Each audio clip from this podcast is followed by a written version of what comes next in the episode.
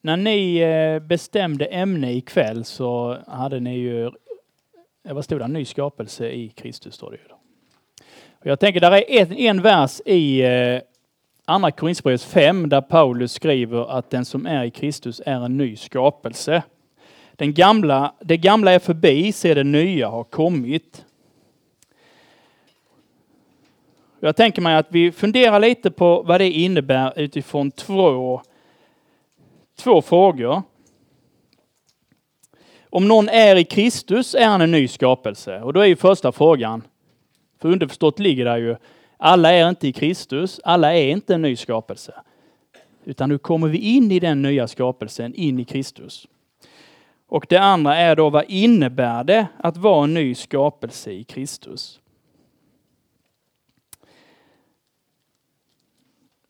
Det första jag vill säga lite om skapelse, det är ju, om man är bibelläsare så märker man ju att ordet skapa används nästan uteslutande om Gud. Att det är Gud som skapar någonting. Och börjar man läsa Bibeln från början så kommer man till de första bladen och så märker man att Gud skapar himmel och jord. Alltså hela kosmos skapar han genom att tala. Alltså Guds ord gör saker av ingenting. Gud säger att det ska bli till och så blir det till. När Gamla Testamentet då rent profetiskt blickar framåt så innebär det att det ska bli en nyskapelse, alltså Guds frälsningsplan. Frälsningsstoryn är ju sådan att Gud kommer att göra något nytt. Och då är det ofta i GT att hela kosmos ska nyskapas. Alltså en ny himmel och en ny jord. Och i Gamla Testamentet så lyfts nästan bara fram det att det börjar med att men Gud skapar någonting nytt i människans hjärta, eller Gud nyskapar hjärtat, eller skapar ett nytt hjärta. Det står på några ställen i Gamla Testamentet, bland annat i Jeremia 31 tror jag det är och Hesekiel med 33 tror jag det är, men att, att Gud ska liksom ta bort hjärtat av sten i våra kroppar och sätta dit ett hjärta av kött. Det kommer att bli en helt ny människa som framträder då. I Nya Testamentet sen när det handlar om det som är med nyskapelse, för det var ju det ordet vi började med, den som är i Kristus är en ny skapelse. Då är det också människan det börjar med. De människor som har kommit till tro på Jesus blir en ny skapelse, en ny människa. Som förstlingsfrukten, alltså den första frukten av det som ska komma sen. Bibeln använder ofta det begreppet förstlingsfrukt. Det har att göra med att när man när man såg liksom fruktträden börja bära frukt, men det ännu inte var mogen frukt, så var det ju också den första frukten som man offrade till Herren. Och i tacksägelse då, därför att man visste att det kommer mer sen. Det kommer till att bära mogen frukt, eller det kommer till också en skördetid. Den bilden målar Bibeln upp av en ny skapelse, inte bara vi människor, utan hela tillvaron som vi känner till. Va? Jesus kommer tillbaks för att skapa en ny himmel och en ny jord och för att förhärliga de som har levt och dött i tro på Jesus. De som är i Kristus blir då en ny skapelse fullt ut. Redan nu är vi en ny skapelse, men vi lever i en fallen värld. Och vi är inte enbart den nya skapelsen eller den nya människan, utan vi vet alla att vi har också en gammal människa med oss, alltså den som vi har haft med oss från början. Den som absolut inte vill det som Gud vill, utan vill det som djävulen vill. Så beskrivs liksom köttet i Guds ord. Man är allierad med djävulen. Sen det här med att Paulus då säger i andra Korinthierbrevet att alla som är i Kristus är en ny skapelse. Det är ju egentligen Paulus som driver den tanken mest när han tar liksom bilden av vad är ett Guds barn? Vad är en människa som tror på Jesus? Jo, det är en ny skapelse. Han använder ofta det begreppet om nyskapelse eller den nya skapelsen. Men om man läser sen vad Johannes, som också har skrivit en del i Nya Testamentet, han använder ofta begreppet pånyttfödd eller född ovanifrån. Han säger ju till Nikodemus i Johannes 3 att den som inte blir född av vatten och ande kommer aldrig in i Guds rike. Egentligen kan man översätta också den som inte blir född ovanifrån. Alltså Gud måste föda den nya människan. Eh, om en människa blir kristen så är det någonting som Gud har fött fram. Eller med Paulus begrepp då, skapat fram. Det är bara Gud som kan skapa någonting ur ingenting. Jag hörde ju Mats igår förmiddag och då var han inne lite på eh, den gamla människan eller köttet.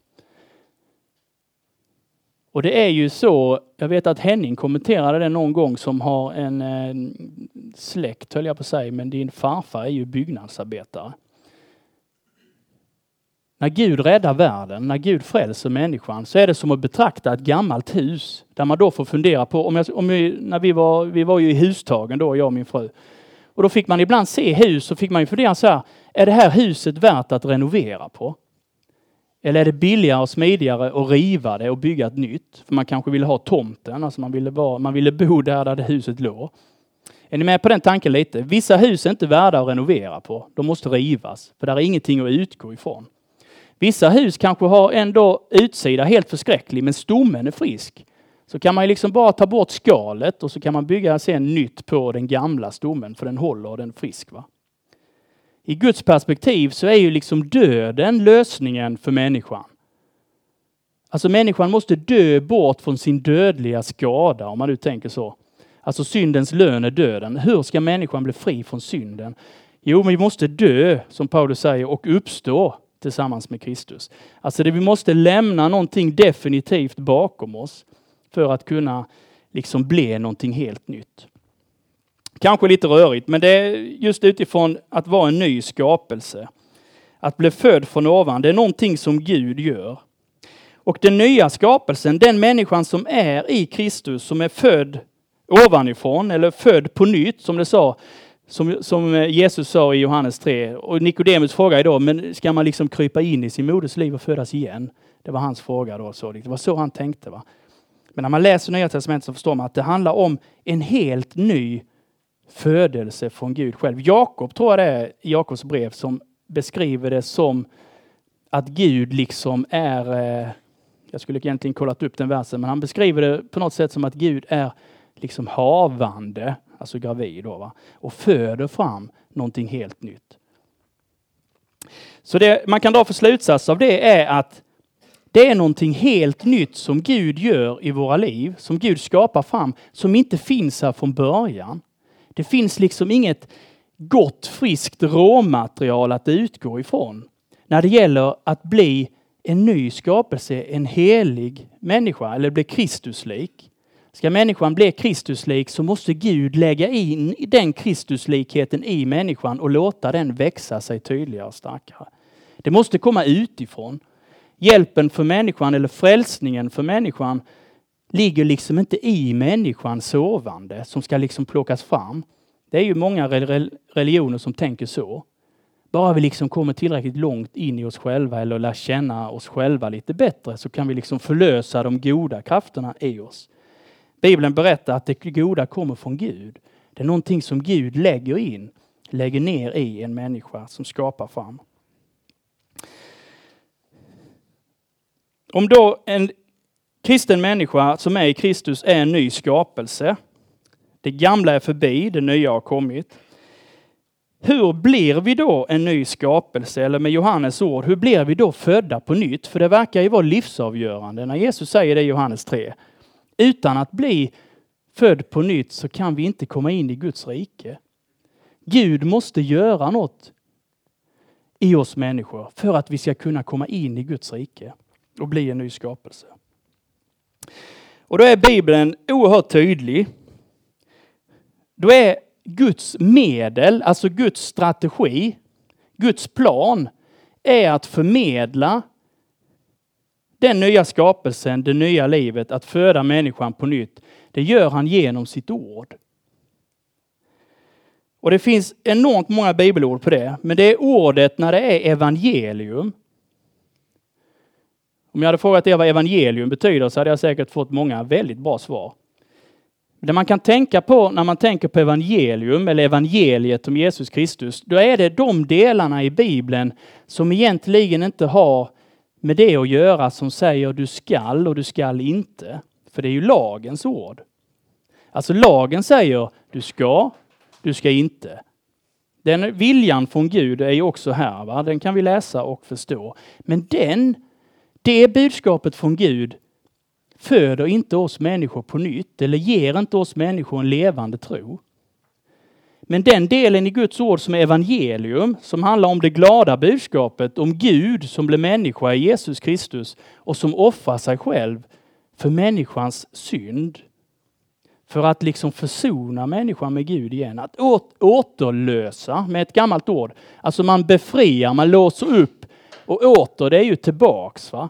Gud vinner tillbaks människan genom att lida och dö i människans ställe. Det är evangelium. Och genom att människan hör eller läser evangeliet, får möta evangeliet, så är det ett medel som ger Gud möjlighet att flytta in i den människans liv. Där den helige ande får liksom börja leva i en kristen människa. Och där man får del av det eviga livet som Johannes skriver i Johannes 3.16 där han sammanfattar Bibelns budskap. Va? Var och en som tror inte ska gå under utan ha evigt liv. Frälsningen handlar ju om evigt liv också i den nya skapelsen där hela kosmos blir nytt och därmed också människan. När man läser Nya Testamentet så ser man på ställe efter ställe att där Guds ord är med och lyfts fram, där kommer människor till en levande tro på Jesus. Och det är väldigt viktigt därför att tron kommer liksom inte på underligt skumma vägar. Utan Guds ord beskriver att tron förmedlas genom det som är evangeliet. Ni är ju födda på nytt, inte av en förgänglig säd. Alltså säd är ju då en bild av Guds ord, alltså ord som inte har något värde som förgåva. Utan genom en oförgänglig, genom Guds levande ord som består. På ställe efter ställe i Bibeln så står det att det är ordet som har verkat fram en ny födelse i församlingarna eller i de sammanhangen som de skriver till.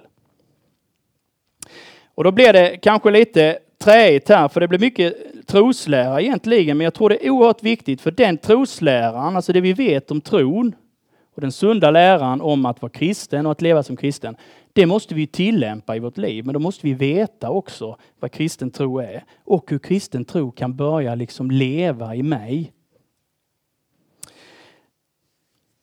Därför att kristen tro är inte i huvudsak en förståndssak eller en känslosak eller en viljesak. Alltså, är ni med på den tanken lite nu? Kristen tro handlar inte om förståndet i huvudsak, eller känslosak, det är inte avgörande, eller viljesak. Jag bara tänkte på den sången vi sjöng här nu innan. Vers efter vers sa egentligen de grejerna som jag tänkt säga ikväll. Och när man tänker på hur de verserna gick så var det ofta att förut tänkte jag så här och agerade så här. Men nu så gör jag så här. Och då var ju refrängen Jesus, Jesus, han alena. Alltså endast Jesus. Va? Och det kan låta som ett söndagsskolsvar, men när en människa får upp ögonen för det och när Gud får lägga det in i hjärtat hos en människa så blir det det som är lovsången och tacksamheten till Herren. Därför att naturligt så tänker vi så som det stod i de första raderna i sången. Innan tänkte man på ett sätt om tron, ja men det blir en börda. Tror jag rätt? Tror jag tillräckligt mycket? Tar jag i tillräckligt mycket när jag tror? Va? Och så får man på något sätt upptäcka att tron handlar ju egentligen om, om han, om Jesus. Hans trohet mot mig som jag får ta emot och vila i. Men jag kommer mer in på det. Sen säger jag inte så här att är man kristen använder man aldrig förståndet. Är man kristen känner man aldrig någon känsla. Är man kristen så, så har man aldrig någon god vilja. Det säger jag inte. Alla de ingredienserna ingår ju i ett kristet liv. Men det är inte det som är avgörande eller som är huvudpoängen i att vara kristen eller att tro på Jesus. Jag kommer att förklara det mer. Paulus säger i Romarbrevet 9 och 16 så här, när det handlar om frälsningen och att tillhöra Gud. Alltså beror det inte på någon människans vilja eller strävan, utan på Guds barmhärtighet. Att Gud är barmhärtig och nådig, det är liksom en grundbult i kristen tro. Och det är den grundbulten som en människa behöver få upp ögonen för och inse och se. Så att man kan ta emot det i sitt liv så att det får bli en verklighet i mitt liv. Gud är barmhärtig och nådig mot mig. Tack gode Gud. I Johannes 17 så ber Pelle påminna igår om Jesu översteprästliga förbön. Så bara läste jag lite i den och då säger Jesus på ett ställe så här när han ber för de människor som kommer till att komma till tro efter att apostlarna har gått ut och missionerat. Så ber han så här att han ber för dem som genom apostlarnas ord ska komma till tro på Jesus. Och då tänkte jag så här, vad var det apostlarna sa när de missionerade? Vad var det för apostlarna hade för budskap när de sen gick ut över världen och, och ville göra fler människor till lärjungar till Jesus? Jo, då säger Jesus på ett ställe här i Johannes med att jag kommer att sända er hjälparen. Han kommer till att påminna er om allt som jag har sagt er. Alltså efter Jesus är död och uppstånden och de får ta emot den helige ande så kommer den helige ande och påminner dem om det som Jesus sa och undervisade och gjorde. Och vad pratade Jesus om? Vad undervisade Jesus om och vad pekade Jesus på? Jo, där är evangeliet koncentrerat ju. Tiden är fullbordad, Guds rike är nu här. Omvänd er och tro evangeliet. Att Guds famn är öppen för alla som vill.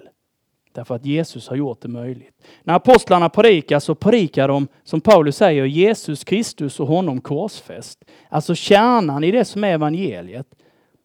Att han är född, att han är Gud, att han lider och dör, att han uppstår. Apostlarna predikar ett historiskt faktum. Någonting som har hänt för 2000 år sedan på en geografisk punkt. De håller fram det som är Jesu liv och det som är hans gärning. Och så berättar de det, predikar det. Egentligen står det många gånger att de proklamerar det. Och det har lite, att, att proklamera ut någonting, det har lite mer att göra med att då måste ni förhålla er till det. Alltså det berör er.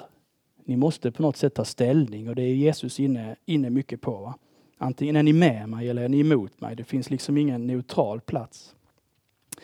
Men evangeliet om Jesus skapar en tro, en ny födelse i en människa. Det är liksom medlet från Gud, som Gud använder för att kunna nyskapa oss människor. Och då får man ju fundera lite, hur, hur, på vilket sätt har jag koppling till Guds ord, till evangeliet? Hur ofta hör jag det? Hur ofta läser jag det? Om det nu är det som är, liksom, eh, vad ska man säga, stupröret från Gud in i våra liv. Ett nådemedel kallas ju Guds ord tillsammans med dopet och nattvarden. Alltså ett medel där Gud kan liksom kanalisera sin nåd in i våra liv. Därför att evangeliet talar om Guds nåd som är liksom koncentrerat i Jesus Kristus. Och som är för alla som vill. Därför att det handlar inte om vilka vi är, utan det handlar om vad Jesus har gjort. Jesus erbjuder Guds nåd och frälsning till alla människor som vill därför att frälsningen är fullt färdig. Och den behöver liksom inte med förståndet eller känslan eller viljan konstrueras eller byggas.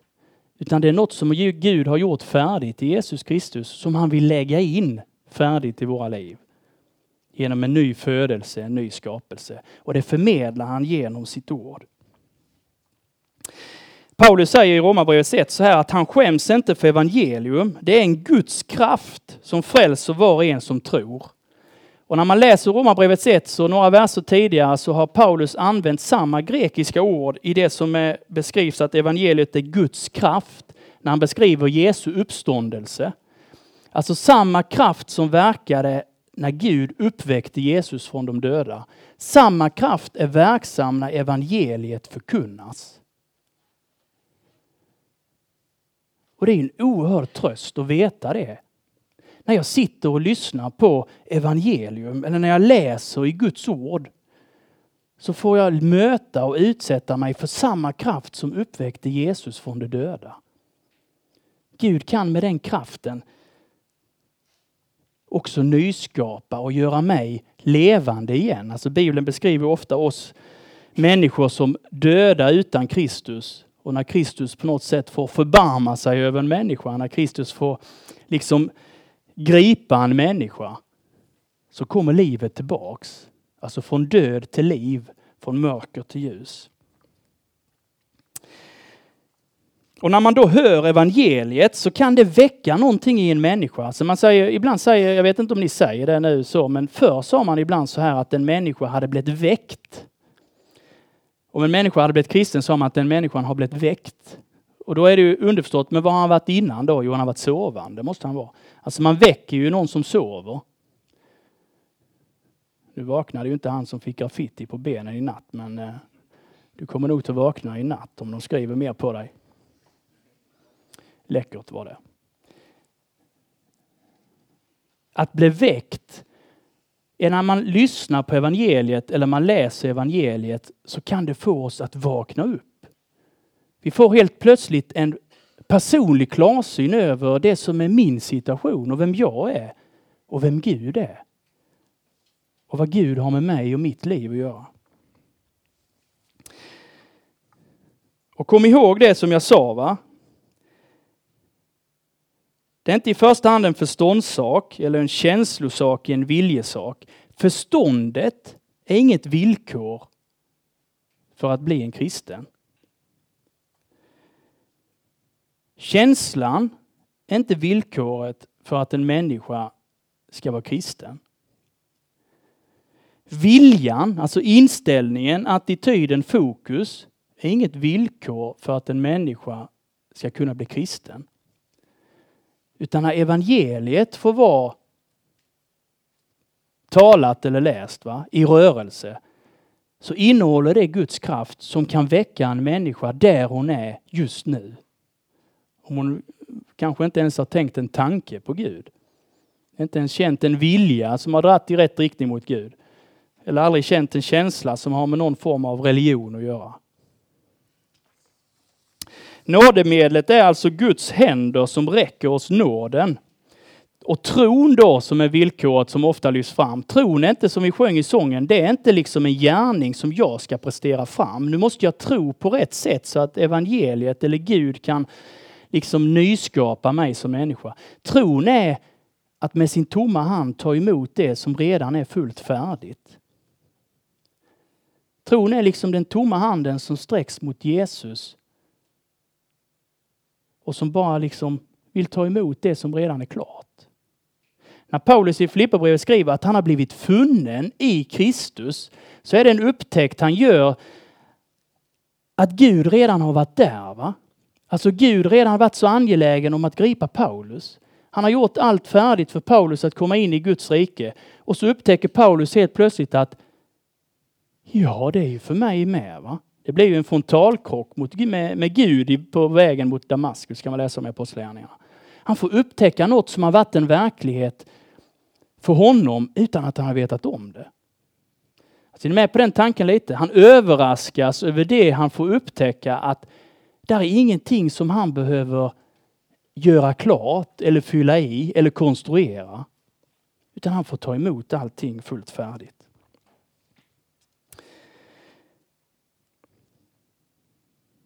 Därför blir frågan, tycker jag, utifrån de här grejerna som vi har resonerat om nu. Vad är ett verk av oss människor och vad är ett verk av Gud? Om nu Gud verkar genom sitt evangelium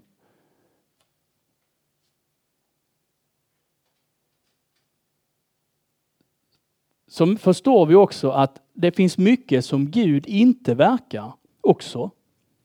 Och då tänker jag så här att när Jesus berättar en liknelse om en bröllopsfest och på den tiden så skickade man ut lite fina kläder med till bröllopsgästerna så att alla bröllopsgästerna skulle vara fina när man var rik då.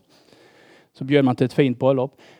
Och så går liknelsen ut på att då hittar de en person inne på bröllopsfesten som inte har de rätta kläderna. Och då frågar ju han som har, som har arrangerat, hur, hur kom du in hit utan bröllopskläder? Och så får de liksom plocka ut han från festen då, för han är inte hemma där. Va?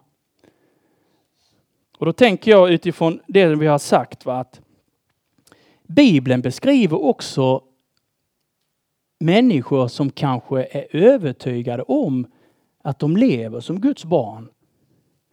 Men det visar sig i Guds ljus att så är inte fallet.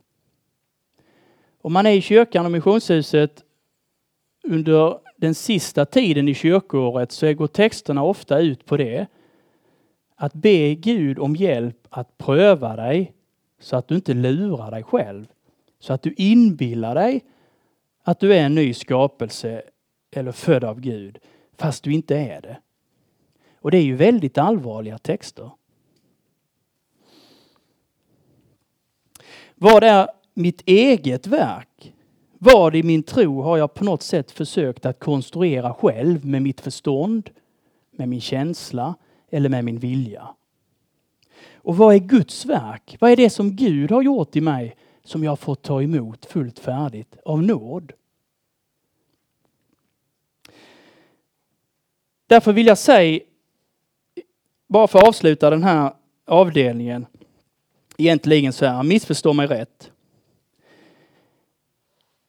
Kämpa inte så förskräckligt mycket.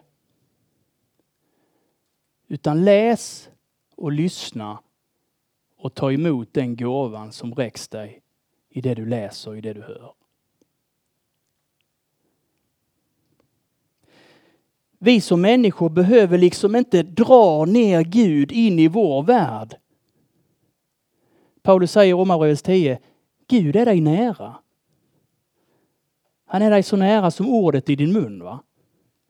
Som människa så handlar det om att upptäcka att nej, vi behöver inte liksom med vår vilja eller inställning eller fokus eller attityd dra ner Gud in i vår värld.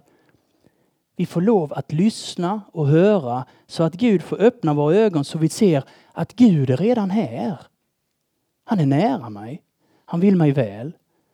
Han vill ge mig frälsningens hela gåva där jag står just nu. För när det gäller Guds nåd, att få ta emot Guds nåd, att bli en ny skapelse, så är vi alla på samma ruta. Vi är alla på samma punkt. Vi är alla i lika stort behov av Guds nåd, hur duktiga eller hur dåliga vi än tycker att vi är. Så är Guds nåd till för oss människor där vi är just nu. Och det är det som är evangelium också. Evangelium är alltid ett nu. Oavsett hur du upplever att ditt andliga liv är just nu så är du inte ovärdig Guds nåd. För att ta emot Guds nåd handlar inte om värdighet eller förtjänst. Utan det handlar om en gåva som Gud vill ge dig därför att han har vunnit den nåden genom att lida och dö i ditt ställe.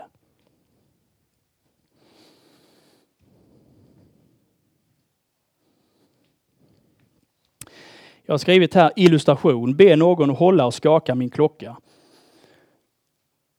Är det någon som förstår det? Nej, du förstår inte det. Jag förstår inte heller riktigt det egentligen. Den var säkert bra när jag tänkte ut den.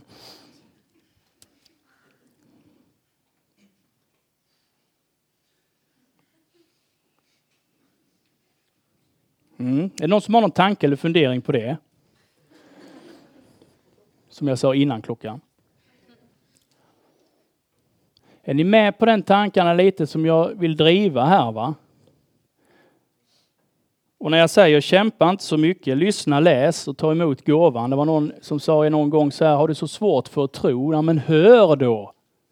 Man kan lyssna sig till tro. Man kan lyssna sig till frälsning.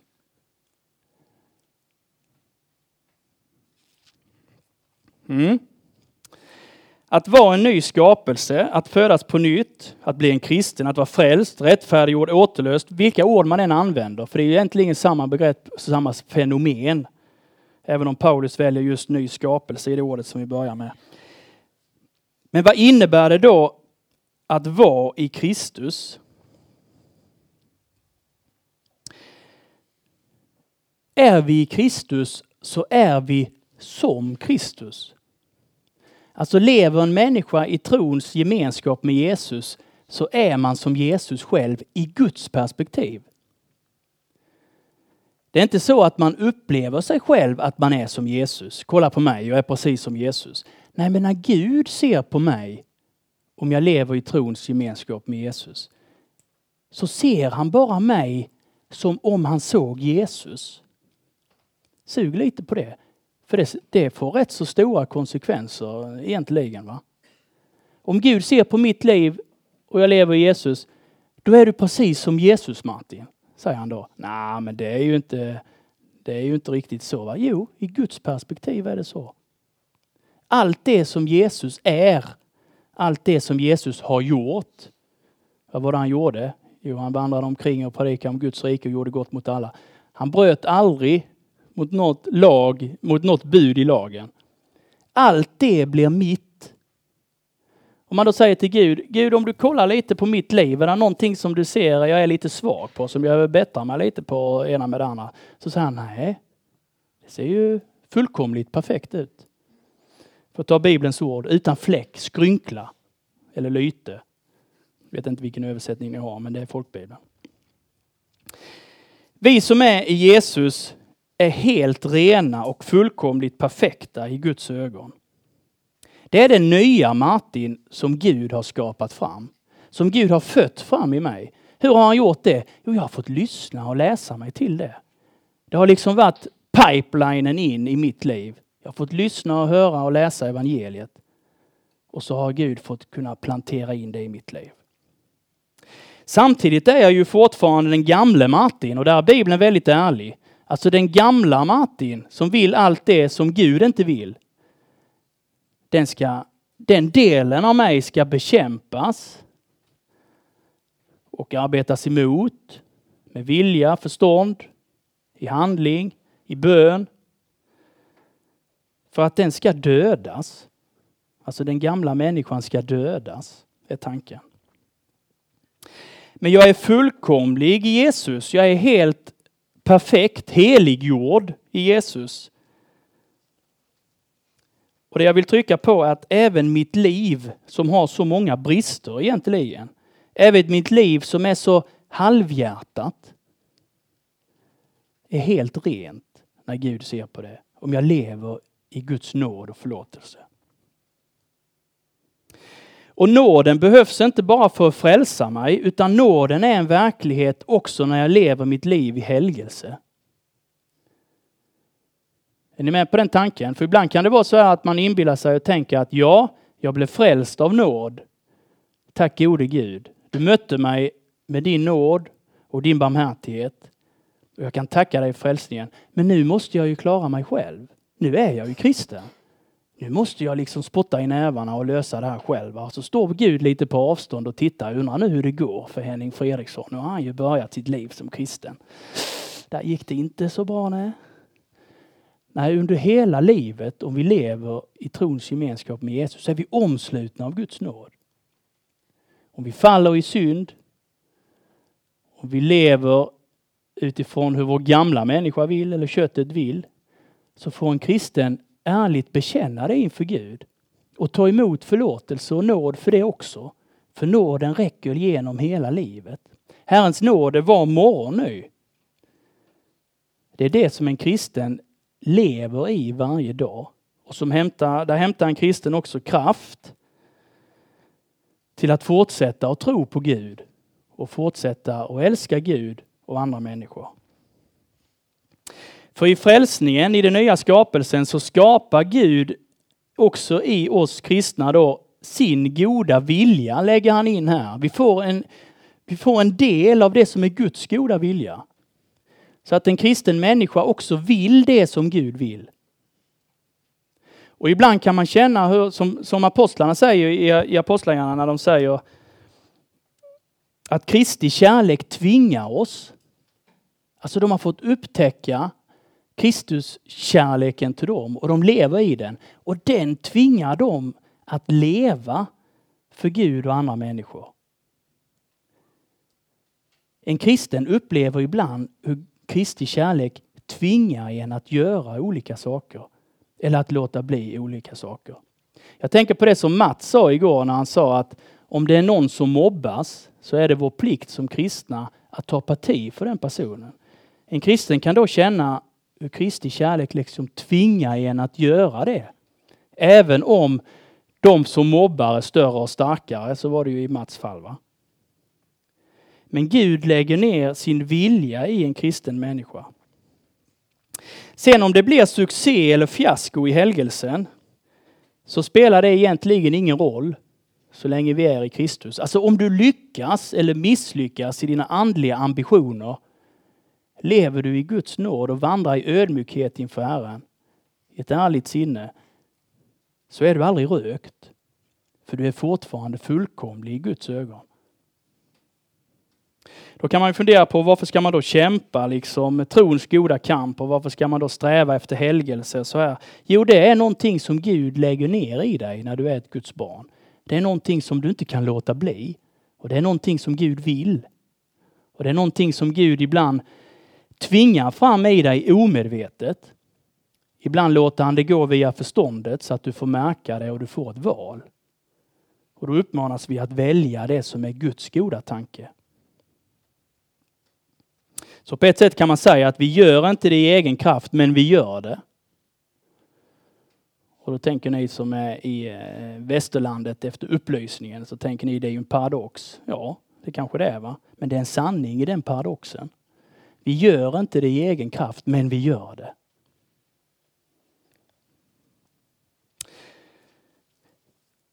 Och då vill jag säga till er att allting, all eh, det är ju en, en god vilja som Gud tänder i oss kristna, att vi vill bli mer lika Kristus. Vi vill liksom kämpa för att bli mer Kristuslika.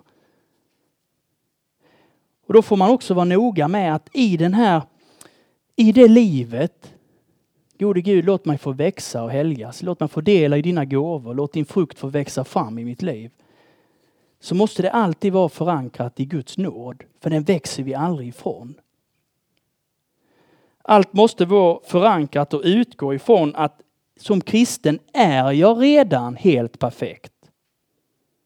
Och sen vill Gud göra mig mer perfekt ju mer, ju närmare Guds dag vi kommer. va?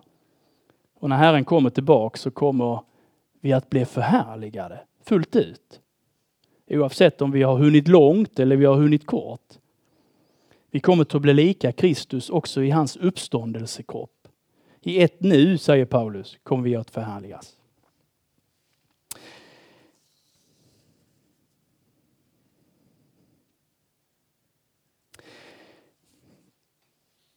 Ibland när jag pratar med eh, en del av er så kan det vara ett stort bekymmer av att man, man är när man misslyckas eller faller i synd eller man är fast i ett beteende som man vet är emot Guds vilja eller som man vet är osunt och man vill bli fri ifrån det men man upplever ändå en maktlöshet eller en kraftlöshet. Alltså på ett sätt så vill man verkligen bli fri ifrån det men man har inte förmågan att bli fri från det. Man har inte kraften eller disciplinen eller vad det kan vara. Och då tänker jag så här för ett Guds barn Profeten Jeremia skriver om en bild om en krukmakare som slänger liksom leran på drejskivan och så drejar han en, eh, försöker han greja då liksom en skål eller vad det kan vara. Va? Så märker han att ah, det blir lite fel här. Va? Så knölar han ihop det igen och så lägger han dit det och så börjar han dreja igen. Va? En kristen lever i Guds händer. Och det är Kristus som formar oss till Kristus likhet. Det är Gud som skapar sitt verk i våra liv. Det är Gud som mejslar fram Kristuslikheten i oss. Och ibland går det inte bra. Och då tänker jag mig att när man lever som Guds barn, då säger Jesus här, jag kallar inte längre tjänare, jag kallar er vänner och han kallar oss bröder. Va? Alltså ibland i psalmerna sjunger vi att, vi att Jesus är vår broder och vän. Så tänker jag när vi bekänner vår synd eller vi är uppgivna över oss själva så är det på något sätt som Jesus lägger armen om oss och så säger han Nu går vi och lägger oss och så gör vi ett nytt försök imorgon. Alltså är ni med på den tanken lite? va? Vi börjar om igen. Min nåd är ny varje morgon. Du förlorar ingenting, du är mitt barn. va? Du lever i min nåd. Det är inte katastrof för en kristen att falla så länge han reser sig igen. Gode Gud, förlåt mig och ge mig ny vilja och ny kraft att leva på dina vägar. Att vandra på dina vägar.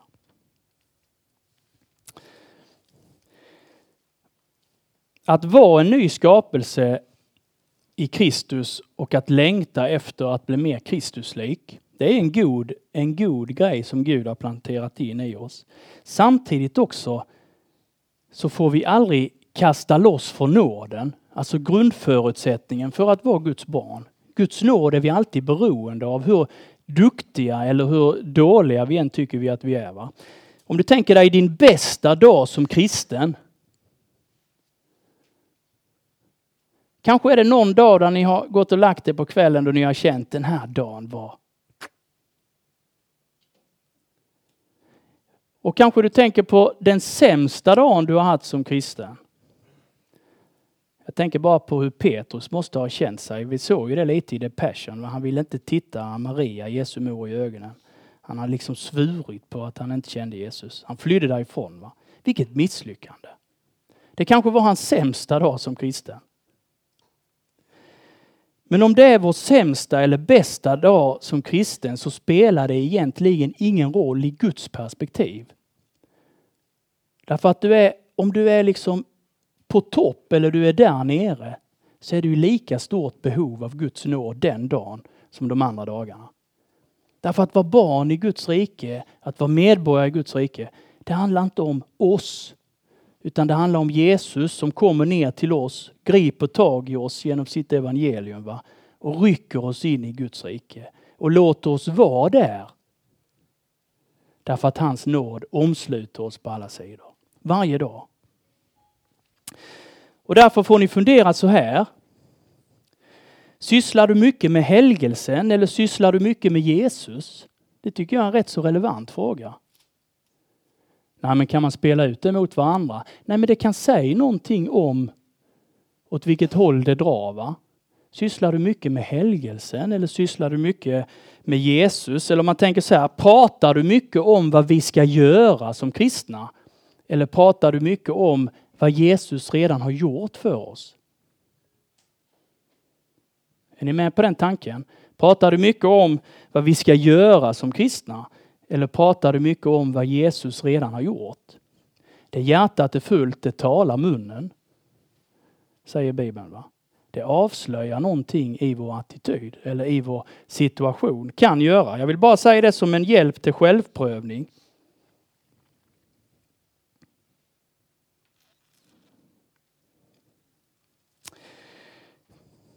Så på ett sätt kan jag säga så här, att det jag har sagt ikväll är egentligen inget nytt. Den som är i Kristus är en ny skapelse. Det gamla är förbi, någonting nytt har kommit. Det är inget nytt evangelium. Det är då samma gamla sanningar och det är de gamla sanningarna som Gud vill att vi proklamerar, att vi berättar för människor. Evangeliet om Jesus Kristus, vad Gud har gjort i Jesus Kristus genom hans död och hans uppståndelse.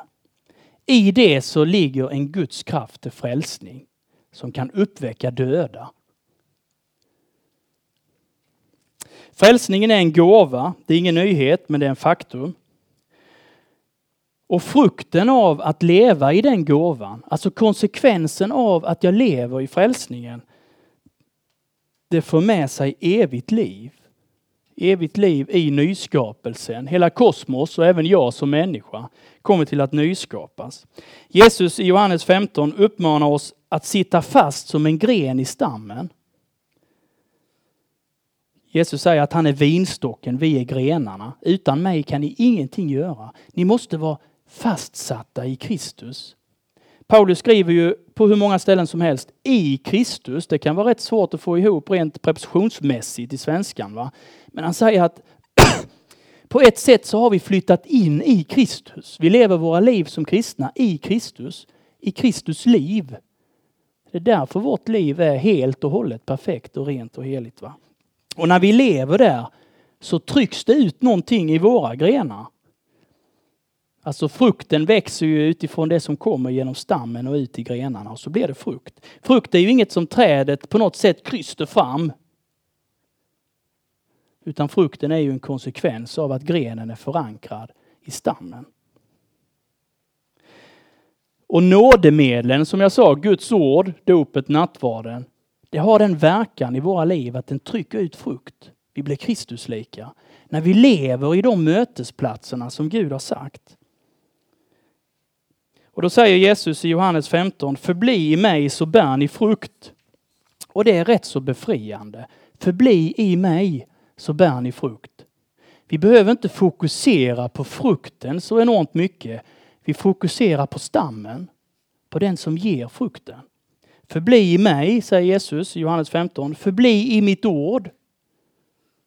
Och förbli i min kärlek. Huvuduppmaningen, förbli i mig. Ja, utan mig kan ni inget göra. Är ni inte förankrade i mig så är ni en död gren. Den duger inte till någonting mer än att kasta bort, säger Jesus. Förbli i mig, förbli i mitt ord. Bygg din tro, din relation på det som Jesus har sagt och lovat. Förbli i mitt ord, håll fast vid ordet och löftena. Du har sagt Jesus att du har dött för mig, va? att du har syndernas förlåtelse för mig, att du har frälsning för mig, att du har nåd för mig, att du har evigt liv för mig. Jag vill tro och bekänna det i mitt liv. Förbli i min kärlek. Och då tänker jag, det är ju det ofattbara. Gud älskar mig trots allt. Ibland säger vi att Gud älskar mig som jag är. Det tror jag inte är teologiskt riktigt. Gud älskar mig trots att jag är den jag är. Jag får leva i Guds kärlek varje dag som är konstant och oföränderlig.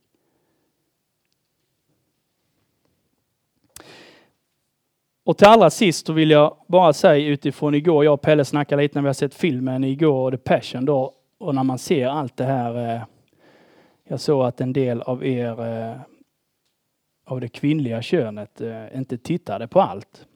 Däremot killarna som är förhärdade och helt eh, filmdöda kunde se på allt.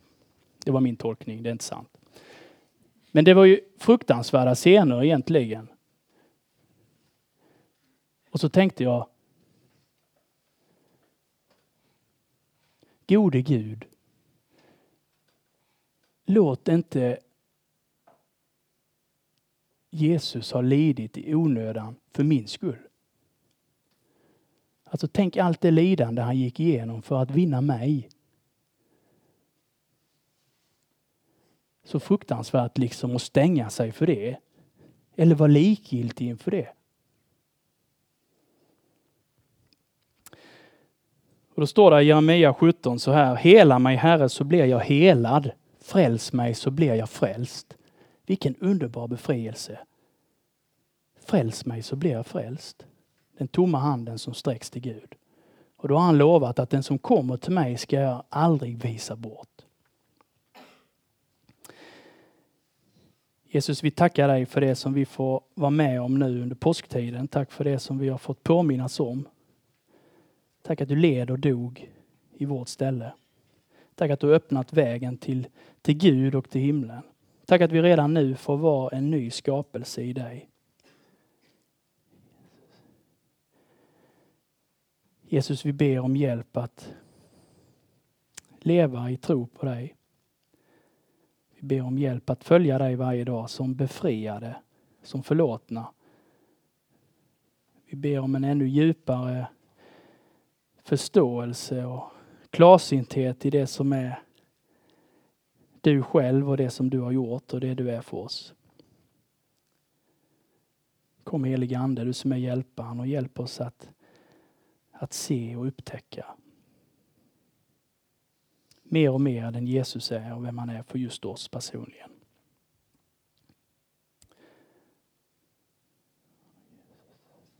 Vi ber att din vilja får ske och vi ber att ditt rike får komma ännu mycket mer i oss och i tillvaron runt omkring.